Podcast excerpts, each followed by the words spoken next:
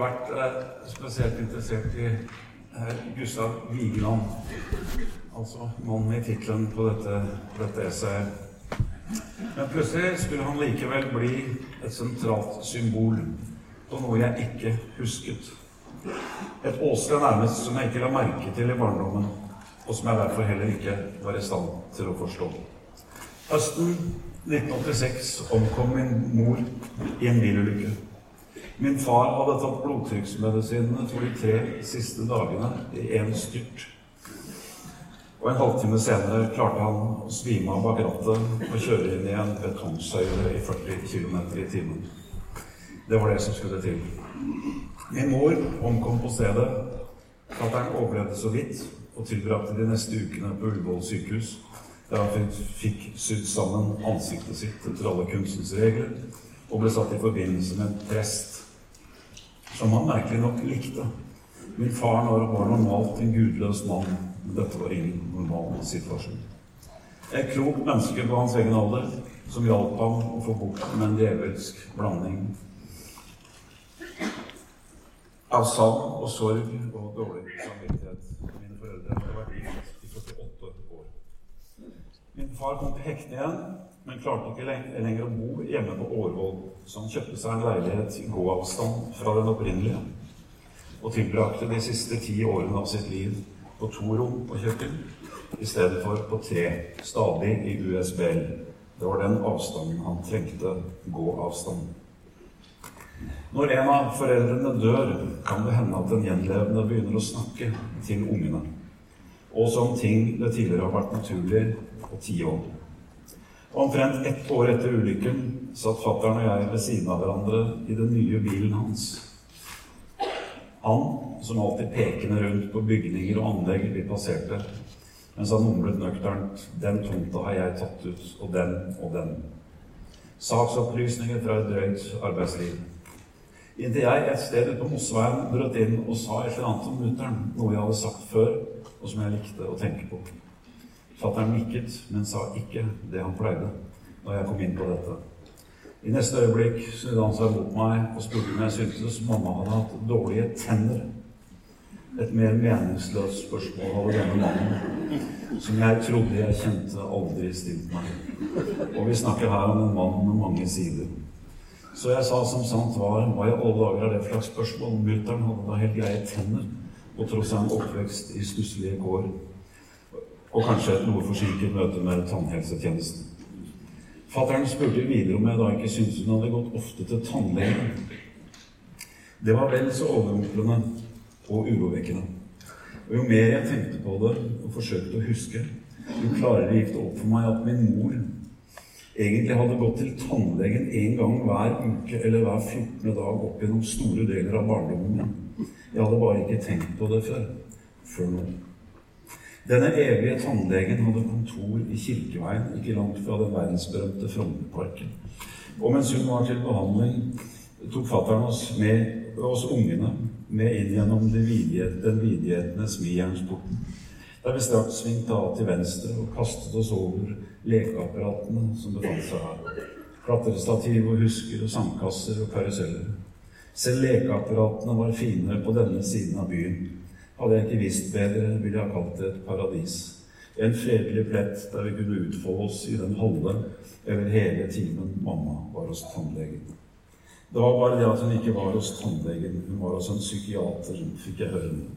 Og ikke hos en hvilken som helst heller, men hos Irgens Strømme, som i sin tid hadde behandlet Knut Hansen da dikteren slet med skrivesperre til Alviraken i kjølvannet av Nobelprisen.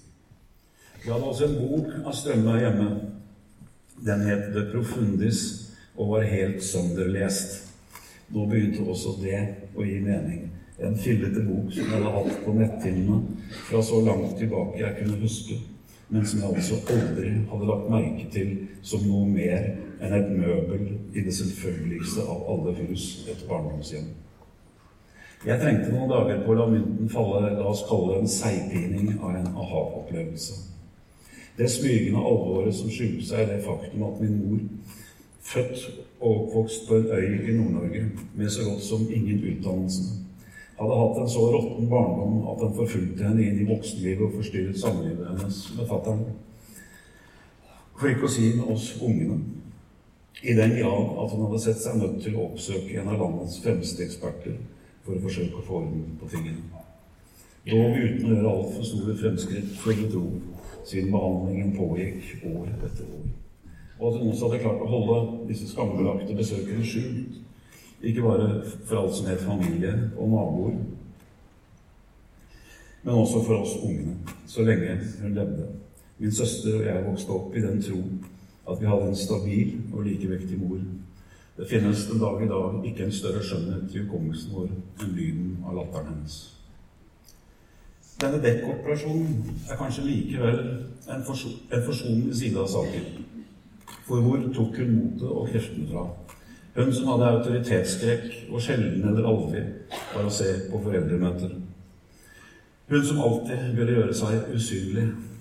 Hvordan falt beslutningen, og hva kostet kalaset, som fattern antagelig måtte finansiere? Min mor var husmor, og han var en mann på forskjellige bulldosere og gravemaskiner på stadig nye felter inn gjennom juledagen. Mange ubesvarte spørsmål her som jeg brukte både kort og lang tid på å finne ut om jeg nå, i voksen alder, i det hele tatt ville ha svar på. En gnagende og plagsom tankeprosess som i de påfølgende ukene ble infiltrert av stadig nyoppdagede og fordreide minner. Særlig bilder av min søster og meg i sving på de borgerlige lekeapparatene rett innenfor til venstre bak smijernsportene i det berømte Vigelandsanlegget den gang som nå selve navet i norsk turistindustri. Under de himmelhøye trærne, de mørke skyggene, det nedslitte gresset og støvet. Om høsten bomben av tørre og flagrende blader som vi kunne vasse i og grave oss ned i. Snø og slapset og regnet. Vi var dessuten påfallende ofte alene her, som om denne lekegrinda ikke eksisterte for barn i nabolaget, men var ment som en behagelig overraskelse på, på folk som var parat til å la seg imponere fordi de ikke visste bedre. Vi fikk fra tid til annen en is eller en sjokolade innkjøpt i en kiosk som befant seg i plassens randsone, og som jeg nå plutselig kunne se for meg igjen og kjenne lukten av. Og vi har noen fotografier som jeg etter sjokket på Mossveien fant fram igjen og oppdaget at jeg egentlig aldri hadde sett, i likhet med en jeg lest bok hjemme i hylla The profundis. Fotografiene ble uten tvil tatt med mutterns kamera. Og på et av dem sitter min søster på en dunkhuske med alvorlig og trompete mine. Med slitte støvler og de lange, bustete flettene flagrende i usynlig vind, kledd i en rutete snekkerbukse og en bluse som ser oppsiktsvekkende hvit ut. Fattern står ved siden av henne med hatt på hodet, og for en gangs skyld ikke i flanellskjorte, men i noe hvitt, han også som om han hadde pyntet seg til dette ettermiddagsbesøket hos tannlegen. Men hvem hadde tatt bildet? Siden vi alltid var her i inkognito, og som regel uten tilskuere, kom jeg til at det ikke kan ha vært noen andre enn meg. Min søster ser ut til å være fire-fem, noe som plasserer fotografen i aldersgruppen seks til syv. Jeg hadde altså begynt på skolen og gikk i 1A eller 2A på Sinsen folkeskole i blandingsklasse og var opptatt med atferds- og læringsproblemer. Så årstallet må være 1961 eller 1962. Og det er ingen snø på bildet, men etter klærne å dømme kan det heller ikke være høysommer. Så la oss si at det ikke er mulig å tidfeste begivenheten nøyaktig. Sen vår og tidlig høst. Det spiller da heller ingen rolle, siden vi var her så ofte at det like gjerne kan dreie seg om det ene som det andre. På et annet bilde så fatter han alene med den ene foten eh, plassert på en ubevegelig karusell og smiler mot fotografen. Den ene hånda på karakteristisk vis opp ved siden av ansiktet, med en finger som peker, eh, liksom pekende framover, som han hadde for vane når han skulle irettesette eller veilede meg. Og her dreide det seg antagelig om hvordan jeg skulle holde kameraet. Men på dette bildet er han annerledes kledd, i arbeidstøy og vi befinner oss i den ubestemmelige og evigvarende årstiden, barndommen, som har det til felles med andre årstider at man ikke vet ordet av det før den har fortapt seg i en blanding av savn og lettelse. Han smiler på samme vis som han poserte sammen med min søster i filklær. Og siden jeg ikke kan tro at min mor oppsøkte Irgen Strømme på en søndag, antar jeg at fattern i det siste tilfellet hadde arbeidet overtid, noe han ofte gjorde, og ikke hadde rukket å skifte før vi måtte haste av sted til avtalt time i Kirkeveien. Hvilket betyr altså at han enkelte ganger, hvor mange, pyntet seg til disse utfluktene når han hadde tid til det. På de andre bildene er bare min søster og jeg å se. Egentlig svært likt antrukket fra bilde til bilde. To arbeiderbarn i begynnelsen av de norske 1960-årene. To Årvoll-barn som for øyeblikket oppholder seg i den delen av hovedstaden, på vestsiden av elva, der vi på ingen måte hører hjemme. Det lar seg lese av klesstilen, selv om det ikke er klasseaspektet som opptar meg her men tidsmarkørene. Det klær røper om tiden de befinner seg i, samt også om tidens forandringer. For første gang etter mutterns død følte jeg det også som en urettferdighet at det stort sett var vi ungene som befant seg på disse bildene. Det burde ha vært fattern. Dette var jo hans reise, hans ukentlige besøk i en park som ikke interesserte ham.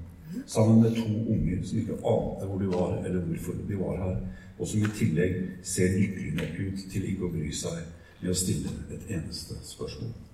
Så vellykket var min, mor, var min fars og min mors manøver, sett fra både deres og side, får vi tro. Og så er hun bare bevart på disse to fotografiene med så vage ansiktsuttrykk at man må være meg eller min søster for å kjenne ham igjen og føle sammen. Vigeland skal ha besvart spørsmålet om hvorfor de makeløse steinkroppene hans alltid er nakne, med at de ikke kunne være annet uten å fortape seg i nettopp øyeblikket, i hans egen tid. Han redegjorde så for at dersom han hadde kledd figurene sine opp i klær som nordmenn gikk med i f.eks. 1921, så ville de for all ettertid stå der som representanter i granitt for 1921 passé for ethvert senere blikk med, svekket overføringsverdi, mens en kunstner jo vil vare evig. Slik at det altså er nakenheten som gjør Vigeland evig, mente han selv. Fraværet av det mest typiske ved hans egen tid, moten på en og samme tid, både kroppens skjulested og utstillingsvindu. Alt det som fjernet dem fra f.eks. en seks, sju, åtteåring Eh, i, norske, i begynnelsen av norske, de norske 60-årene. Det hendte også at vi rotet oss bort fra lekeplassen og inn blant de massive skulpturene, inn blant steinene og den svarte bronsen, når min søster og jeg ble lei av lekeapparatene og begynte å lure på hvor det ble av mamma. Over broen, eksempel, eller Livets bro, som jeg foretrekker å kalle den fordi min far gjorde det. En sjelden gang beveget oss også videre og krysset labyrinten, som vi ikke har merke til, i likhet med svært mange andre besøkende. De tror de vandrer omkring på et vakkert, flislagt gulv, mens det egentlig dreier seg om to kilometer lang, finurlig konstruert gåte. Og fortsatte forbi fontenen og trappene mot monolitten, var helt inn til livshjulet ved parkens yttergrense, i åpent landskap. Det er her alt slutter og horisonten begynner. Min far var imidlertid ikke i stand til å si noe særlig om kunsten som på visse utflukter omga oss. Han var ikke, var ikke, det vi kan kalle en dannet mann, men oppvokst på ett rom og kjøkken på Sandaker sammen med en yngre søster og en alkoholisert og stort sett arbeidsløs far som døde da jeg var to. Så fatter'n måtte tidlig ut i arbeidslivet. Først så viser vi ut i en alder av ti, senere som kroppsarbeider for resten av livet. Og han var nok smigret av det slående fraværet av nettopp borgerskap i den høyborgerlige Frognerparken. Av at det stort sett er arbeidere som eksponeres her. Arbeiderklassen i granitt, kroppsarbeideren i alle hans olympiske fasetter. Samt kvinneskikkelser av like vedvarende styrke og mytisk utstråler. Men vi fikk aldri høre om de tre dragene. Dragene som Vigeland var så redd for at han måtte konfrontere dem i stadig nye arbeider. De tre dragene som på hver sin åtte meter høye søyle nedkjemper forskjellige menn og den fjerde som selv blir nedkjempet av en kvinne. Sånn skulle det senere vise seg ikke er en kvinne, men en prest. Ikke engang det la vi merke til. Vi fikk heller ikke vite noe om fontenen som bæres av fem muskuløse menn, hvorav den ene visstnok er Vigrons sønn. Eller om skjelettene i skjærsilden i relieffene rundt fontenen. Eller om den kraftige mannen i svart bronse som står på sin kubiske sokkel og sparker rundt på en rekke småbarn. Også de i bronse. Holder dem svevende i lufta, så å si, slik en profesjonell fotballspiller evner å holde fem-seks baller i lufta samtidig. Nei, min søster og jeg fikk aldri vite at dette ikke er et eksempel på grov barnemishandling, men et edelt symbol. Et konkret tankebilde av en kunstner som leker med forskjellige ideer. Eller genier, som Wigland kalte dem. En offisiell tolkning som man kan lese seg til i turistbrosjyren. Fattern leste ikke turistbrosjyrer. Bare Sinnataggen kunne han si noe om. Den åpenbare Sinnataggen der han står og ligner på både seg selv og meg, ifølge fattern. Og på mange andre gutter, siden han representerer et raseri og en trass som er både klasseløs og tidløs. Dessuten er han naken som et barn. Det er bare barnas nakenhet som var som den skulle være i Vigelands tid. Og det er bare nakenheten som ikke har forandret seg. Det som gjør også Sinnataggen fullt og helt til det kunsten skal være i en kroppsarbeiders ubesudlede sinn. Den skal ligne frapperende, ikke symbolisere. Den skal bekrefte, ikke utfordre. Provosere og utvide, verken i egen eller i en annen tid. Dermed visste fattern heller ikke at den kollegiske gutten utgjorde kun det fjerde hjørnet i et kvadrat på bunnens midte. Sammen med melankolikeren, sangvinikeren og flegmatikeren, de klassiske temperamentene i gresk åndsliv. Synliggjorte små barn. Eh, menneskeskikkelser som ennå ikke har noen klar bevissthet om hvem de er. Alle i bronse og på samme størrelse. Vi la ikke engang merke til dem. I likhet med labyrinten og dragene og de, utleste, de utløste bøkene i hylla hjemme på Årvoll. Vi gikk forbi dem og savnet dem ikke. Vi har derimot alltid vært fortrolig med stein i vår familie. Ikke bare var det fatterns daglige virke, sammen med leire og jord og grus. Før han satte seg på bulldoseren, hadde han i flere år vært regulær steinarbeider. Han hadde holdt stein med slegge, ikke for å kreere symboler som kan tolkes men for å knuse, for knuse steinblokker etter at dynamittsalvene hadde gått og blokkene lå strødd omkring i bruddet og måtte forminskes med slegge. Slik at de med håndmakt lot seg lempe opp i en lastebil fra, som fraktet dem bort til f.eks. En, en ny byggetomt eller et veianlegg. Gjerne i nærheten. Blant annet var fattern med å ta ut den øvre delen av Stølsveien på Årvoll Stølsveien, som i dag flyter selvfølgelig som en stille asfaltelv mellom to avrundede fjellknauser, som husene hviler på. Ja, steinholderne skapte faktisk en kunstig dal i dette fjellet for Stølsveiens øvre løp.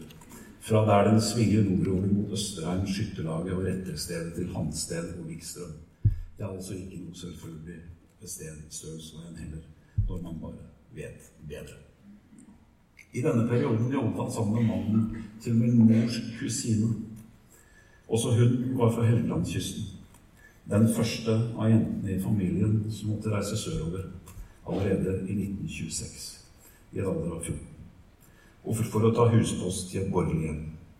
I likhet med min mor, som ankom sammen med en søster og ytterligere to kusiner omkring et år senere, og da i møte med det overveldende urbane hadde stor glede av veiledningen til nettopp denne pionerkvinnen. Kusinas mann het Sigurd og hadde foldesyke, som det het. Epilepsi. Så han fikk aldri kjøre bil. Det måtte bli en sykkel. En svart, gammel, rusten damesykkel.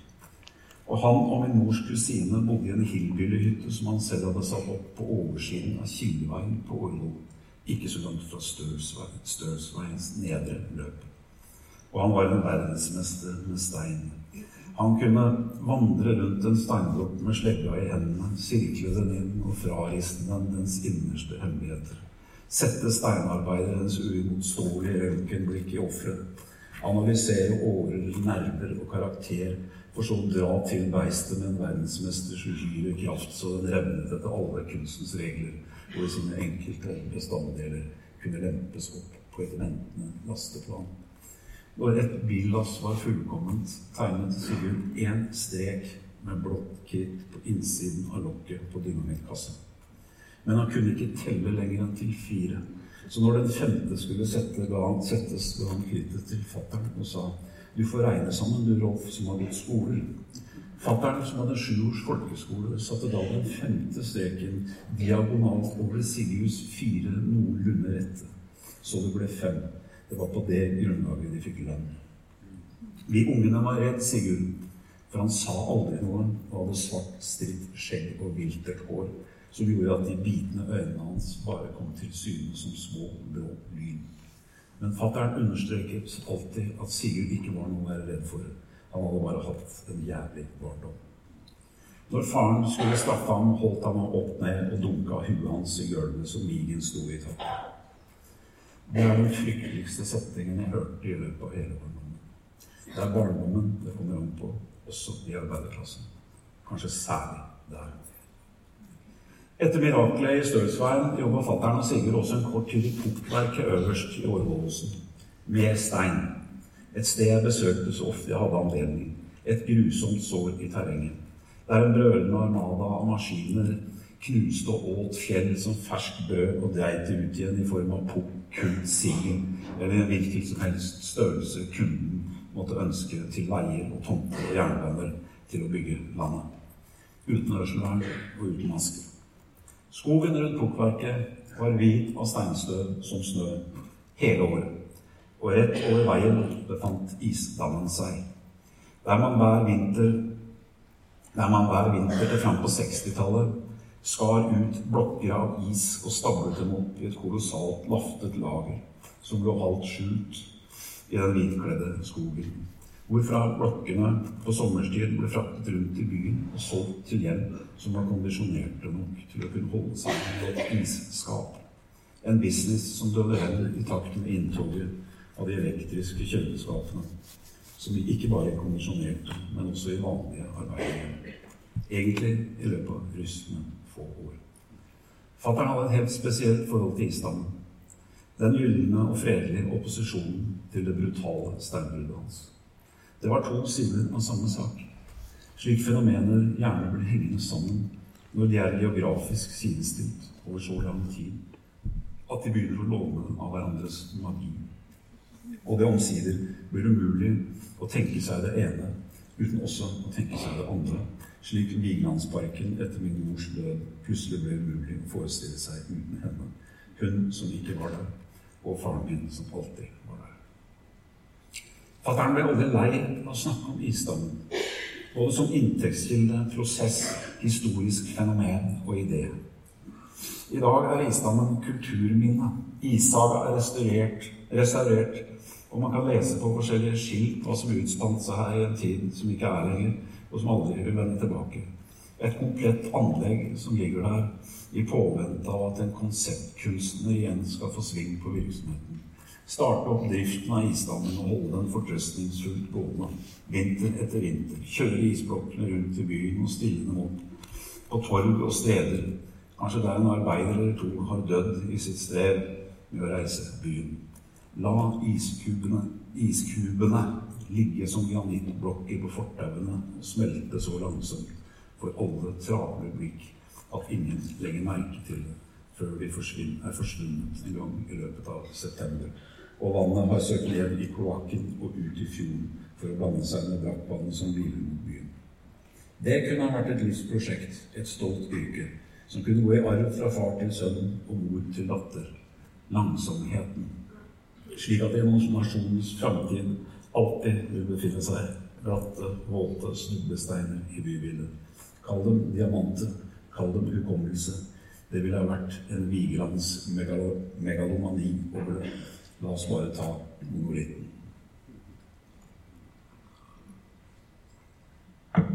Arbeidet med monolitten startet på tegnebrettet en gang i 1919.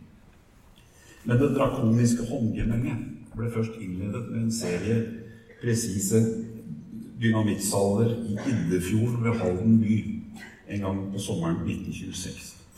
Der arbeiderne til ingeniør Erik Henriksen med kirurgisk presisjon bokstavelig talt sprengte en 460 tonn granittblokk ut av fedrelandets mest solide grunnfjell.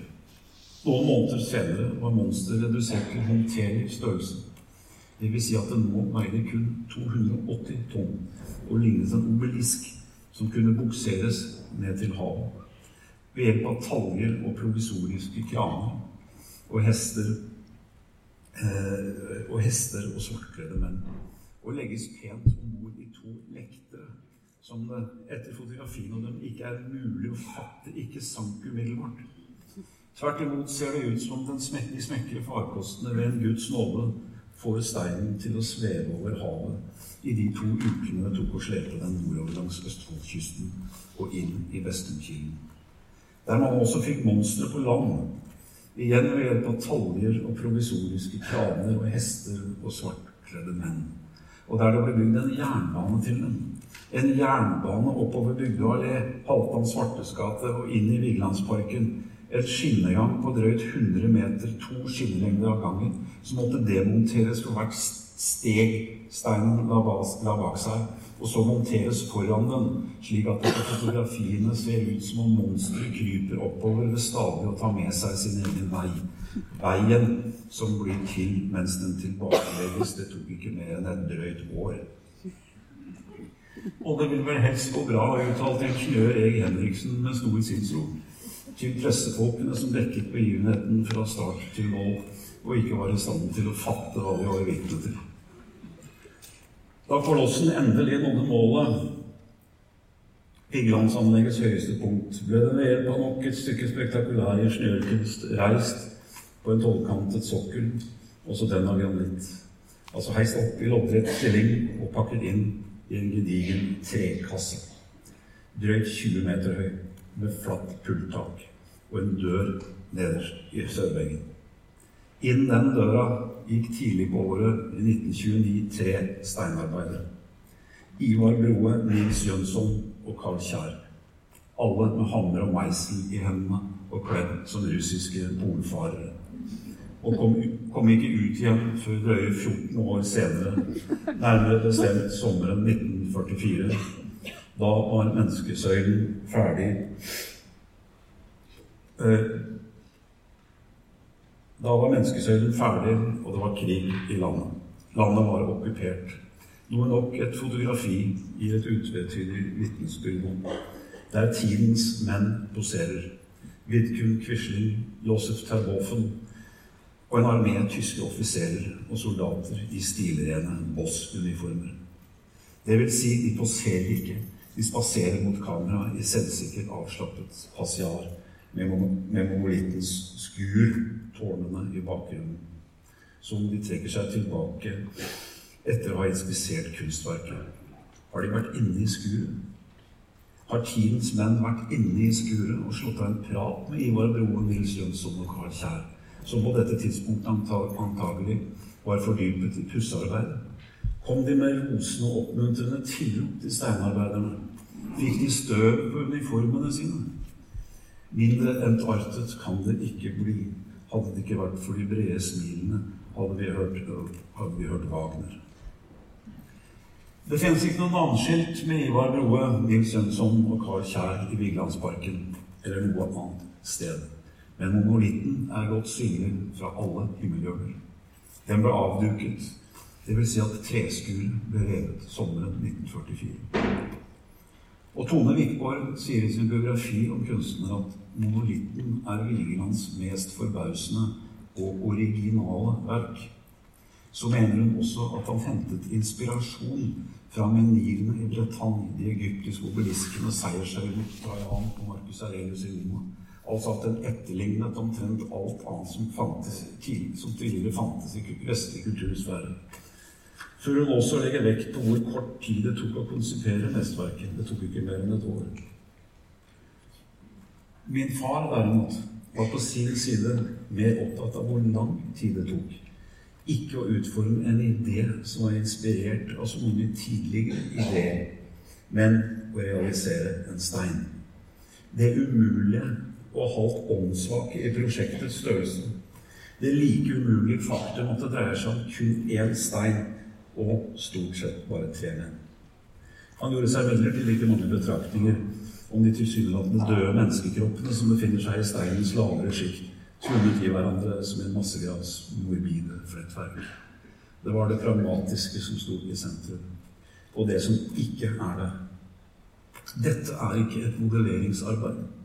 En klump vennligsinnet, våt leire som lar seg forme av drevne never ved hjelp av prøve- og feile-prinsippet, med angrefrister, tabbekvoter og all verdens redigeringsmuligheter. Monolitten står der som den gjør fordi Ivar Broe, Nils Jønsson og Carl Kjær i henhold til kunstnerens skisser og diktater har fjernet det som ikke skal være der. Nøyaktig det som nå ikke er der. Det er det som gjør monolitten til det den er. Det vesentligste som står igjen når noe like vesentlig er fjernet. På slutten av 1920-tallet Altså omtrent idet Ivar Broen Nils Jønsson og Karl Kjær gikk inn i trekassa si med, med verktøy, besluttet Østre Aker kommune å gi etter for byens første husokkupanter. Rettere sagt tomteokkupanter. En uensartet gruppe lasaroner, som de het. Som i løpet av, år, av århundrets to-tre første tiår hadde satt seg opp egne skur og hytter på kommunal eiendom i åsen rundt Oslo-gryta. Tidens outkast.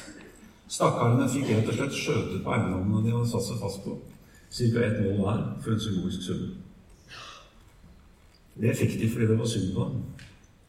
Fordi livene deres var uverdige. Fordi det var umulig å drive dem bort. Fordi kommunen ga etter for lasaronenes standhaftighet. En av disse standhaftige var steinarbeideren Sigurd, som ikke kunne lese og regne, men som i en alder av 13 ikke så seg tjent ved å holde ut lenger i det forferdelige barndomshjemmet sitt, men søkte ut i skogen for siden aldri å vende tilbake. Han satte seg opp et skur i det den gang svært ugjestmilde terrenget mellom dagens Kildeveien og Stølsveien, og var fra da av ikke til å rikke, selv om skuret hans visstnok ble brent ned flere ganger. Han bygde det opp igjen, skaffet seg forskjellige strøjobber, levde fra hånd til munn, drakk tett, lærte seg å hogge stein og giftet seg med min mors kusine. Da jeg, det året jeg fylte 16, fant jeg ut at jeg skulle bygge en kano.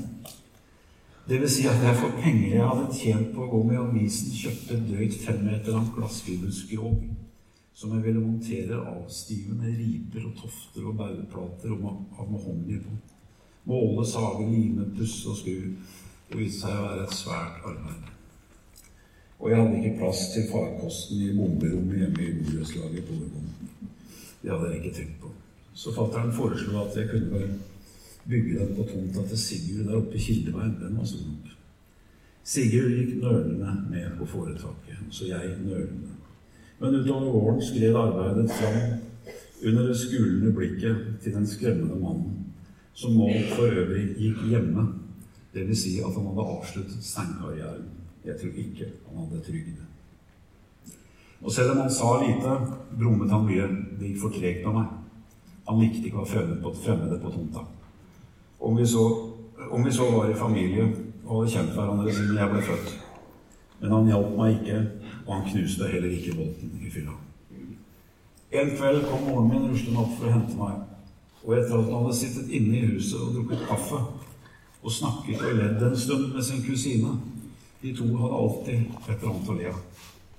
Gikk vi sammen nedover steinbakken i den lyse kvelden da jeg oppdaget at hun var mer tankefull enn vanlig. Så jeg spurte hva det var.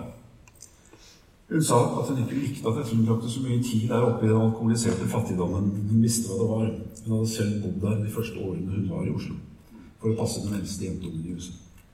Jeg sa kjekt at jeg tok ikke noe skade av det. Nå var jeg dessuten snart ferdig med denne jævla kanoen. Men denne bekymringen var bare en innledning til noe hun ville fortelle meg om da hun i en alder av et halvt år mistet sin mor i tuberkulose og ble satt bort på en enda mindre gård, som ble bestyrt av hennes tante, altså av kusinas mor. Denne tante hadde fire barn fra før og hadde i tillegg nettopp mistet ektemannen sin i en, i en arbeidsulykke. Så hun sa fra min mor kom inn i huset hennes, til hun ble sendt ut igjen som 14-åring, altså opp gjennom hele min mors barndom, at tenk så fint vi kunne hatt det hvis ikke Ingeborg hadde vært her. Når du er en bortskjemt gutt på 16 år, er dette drøy, drøy, eh, drøy kost å høre om mor. Når du er en fire, fem, seks, sju år gammel jente, er det antagelig ikke til å bære. Det var som sagt fire andre unger i denne familien. Fire ekte barn som akkurat hadde mistet sin far i en ulykke. For så å få inn denne lille søstera, én munn til å mette, én forskjellig fattigere, fire barn og min mor kunne som min mor kunne sammenligne seg med, rollemodellene hennes, som med sin blotte eksistens fortalte henne at, at hun i beste fall ikke var en av dem, og i verste fall målbar moras syn på saken, om at hun ikke burde ha vært der, fordi hun åt maten ut av munnen på dem fattigdommens nød og idioti i en samme knyttneve. Jeg husker ikke hvordan hun så ut i ansiktet da hun fortalte dette. Om vi i det hele tatt så på hverandre. Antagelig sa hun det med et bagatelliserende smil, eller med en karakteristisk hodebevegelse som jeg var både glad i og litt skremt av. Hennes evige arbeid med ikke å gjøre noe større enn det er. Frykten for at noe vondt bare skal bli verre av at det blir satt ord på det som om språket var forgiftet med virkelighet, og som om tausheten dermed var det mest helende av alle hviskevær. Det stikk motsatte av det hun nå gjennom flere år antagelig hadde lært av Irgens strømme, nemlig å snakke og finne de frigjørende ordene. Mannen var jo freudianer, men det var ikke jeg. Jeg var sønn. Så denne kvelden så jeg antagelig ingen annen mulighet enn å forsøke å smile bagatelliserende tilbake av hensyn til oss begge. Forsøke ikke å gjøre det større enn det var. Ikke jeg heller. Jeg var hennes sønn. Kanskje kikket jeg også bort på henne for å se etter spor av skade eller de indre dragene som også Vigran stred med. Men antagelig har jeg ikke oppdaget noe som helst. Ellers ville jeg vel ha husket det. Jeg husker heller ikke om jeg i tiden etterpå følte noen form for irritasjon over at hun utsatte meg for dette, og dermed ødela en del av idyllen vi hadde spunnet rundt oss spunnet oss inn i opp gjennom årene.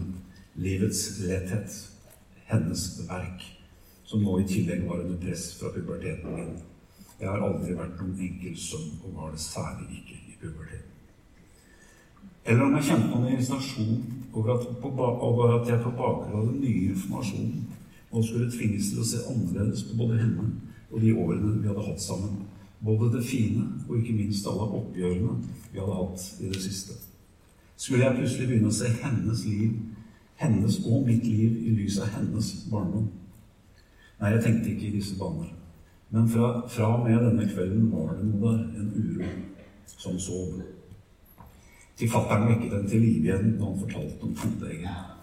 Og spørsmålet ikke lenger var til å besvare. Et uønsket barn. Går det an å være et uønsket barn? Det er kanskje nettopp det som går an.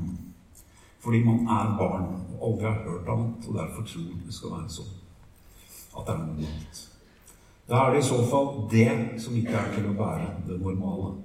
Når man vokser opp og får et annet syn på saken, og kjenner at det som burde ha opphørt for lenge siden, likevel ikke lar seg utradere. Uansett hvordan man forholder seg til både fortid og nåtid. Dermed blir dette ingen enkel skillingsvise. Historien om en jentunge det er synd på, og som krever og fortjener nedrykk. Snarere fortellingen om en voksen kvinne, en tobarnsmor, som tar med seg uønsketheten sin til en psykiater og ber han rive den opp med rota med alle dens mobile konsekvenser, kanskje eh, også av frykt for at du skal overføre det hele på sine egne barn. Vi som ikke oppdaget noen ting. Vi som trodde vi levde i trygghet, og derfor gjorde det. En mer vellykket klassereise kan man vanskelig forestille seg. Selv om vi selvsagt ikke tenkte disse baner heller. Der vi gikk nedover ved siden av hverandre mot leiligheten i Traverveien. Der min søster og fatter'n nå antagelig satt og trommet utålmodig på kjøkkenbordet i påvente av middagen, så vi igjen kunne fordype oss i hverdagens vidunderlige trivialitet. Nå hender det igjen at jeg rusler gjennom Vigelandsparken. Ikke for å finne noe jeg har mistet, men fritt og assosiativt. Dette er jo en kunst jeg ikke har oppsøkt frivillig eller kjent noen dragning mot, men noe som har oppsøkt meg. Og ingen er vel egentlig fri i Vigelandsanlegget.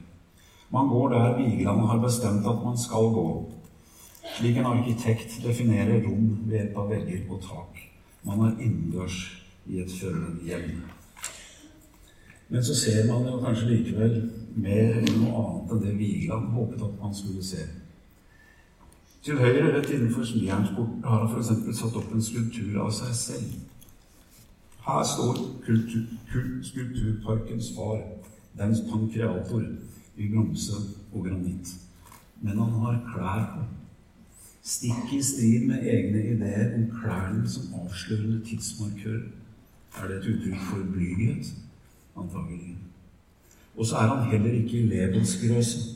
Skulpturen er litt mindre enn Vigeland selv var kroppslig. Og man kunne vel forvente at når en mann av hans støpning først skal kreere et sølvportrett, så griper han enten til det virkemidlet han har benyttet med så stor entusiasme gjennom nær sagt hele resten av anlegget forstørrelsesglasset. Eller så holder han seg innenfor realismens trange rammer og velger å opptre i nettopp levensgrøsen. Men nei, han har valgt å gjøre seg selv litt mindre enn han var. Og det er både oppsiktsvekkende og forsonende. Det er også noe forsonende over de gamle menneskene som sitter i grupper ved monolittens fot. For har vi til nå hatt med en kunstner som hyller livets potens og skjønnhet, så viser det seg her at han hadde et langt bedre håndlag med alderdommen og døden. Disse skulpturene av mor og sønn, det gamle ekteparet, de gamle vennene Det er en verdighet og en nåde og til og med en ynde i disse steinene som ikke er å finne ellers i parken. En avklaret resignasjon som bryter seg ut av både stein og tid og blir idé. En glassklar tone i betrakterens indre.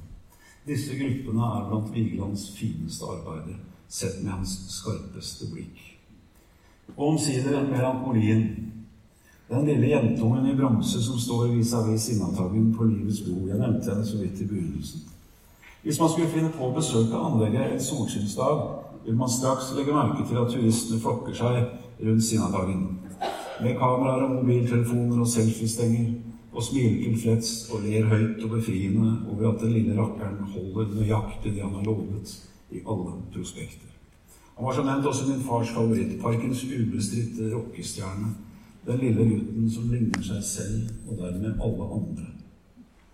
Man vil også oppdage at han er blankslitt på visse legemsdeler fordi turistene må ta på ham. Varm og levende hud glir over kald bronse og holder den gyllen på disse berøringsflatene. Det later til å være Sinnataggens vesen, at han ikke bare må sees, men berøres. Men så kan man snu seg og se på det turisten, turistene ikke ser. Den lille jentungen som er Sinnataggens kalkulerte opposisjon. Hun heter Melankolien. Og registrerer at hun ikke berøres på noen legemsdeler. At hun ikke har blankpolerte flater og er synlig og demonstrativ, eller på noe vis forsøker å ta seg ut. Men at hun allerede i en alder av kun tre eller fire har lagt seg til en beskjeden attityde. At hun står der og håper at ingen skal se henne, og at hun lykkes med det. Takk for meg.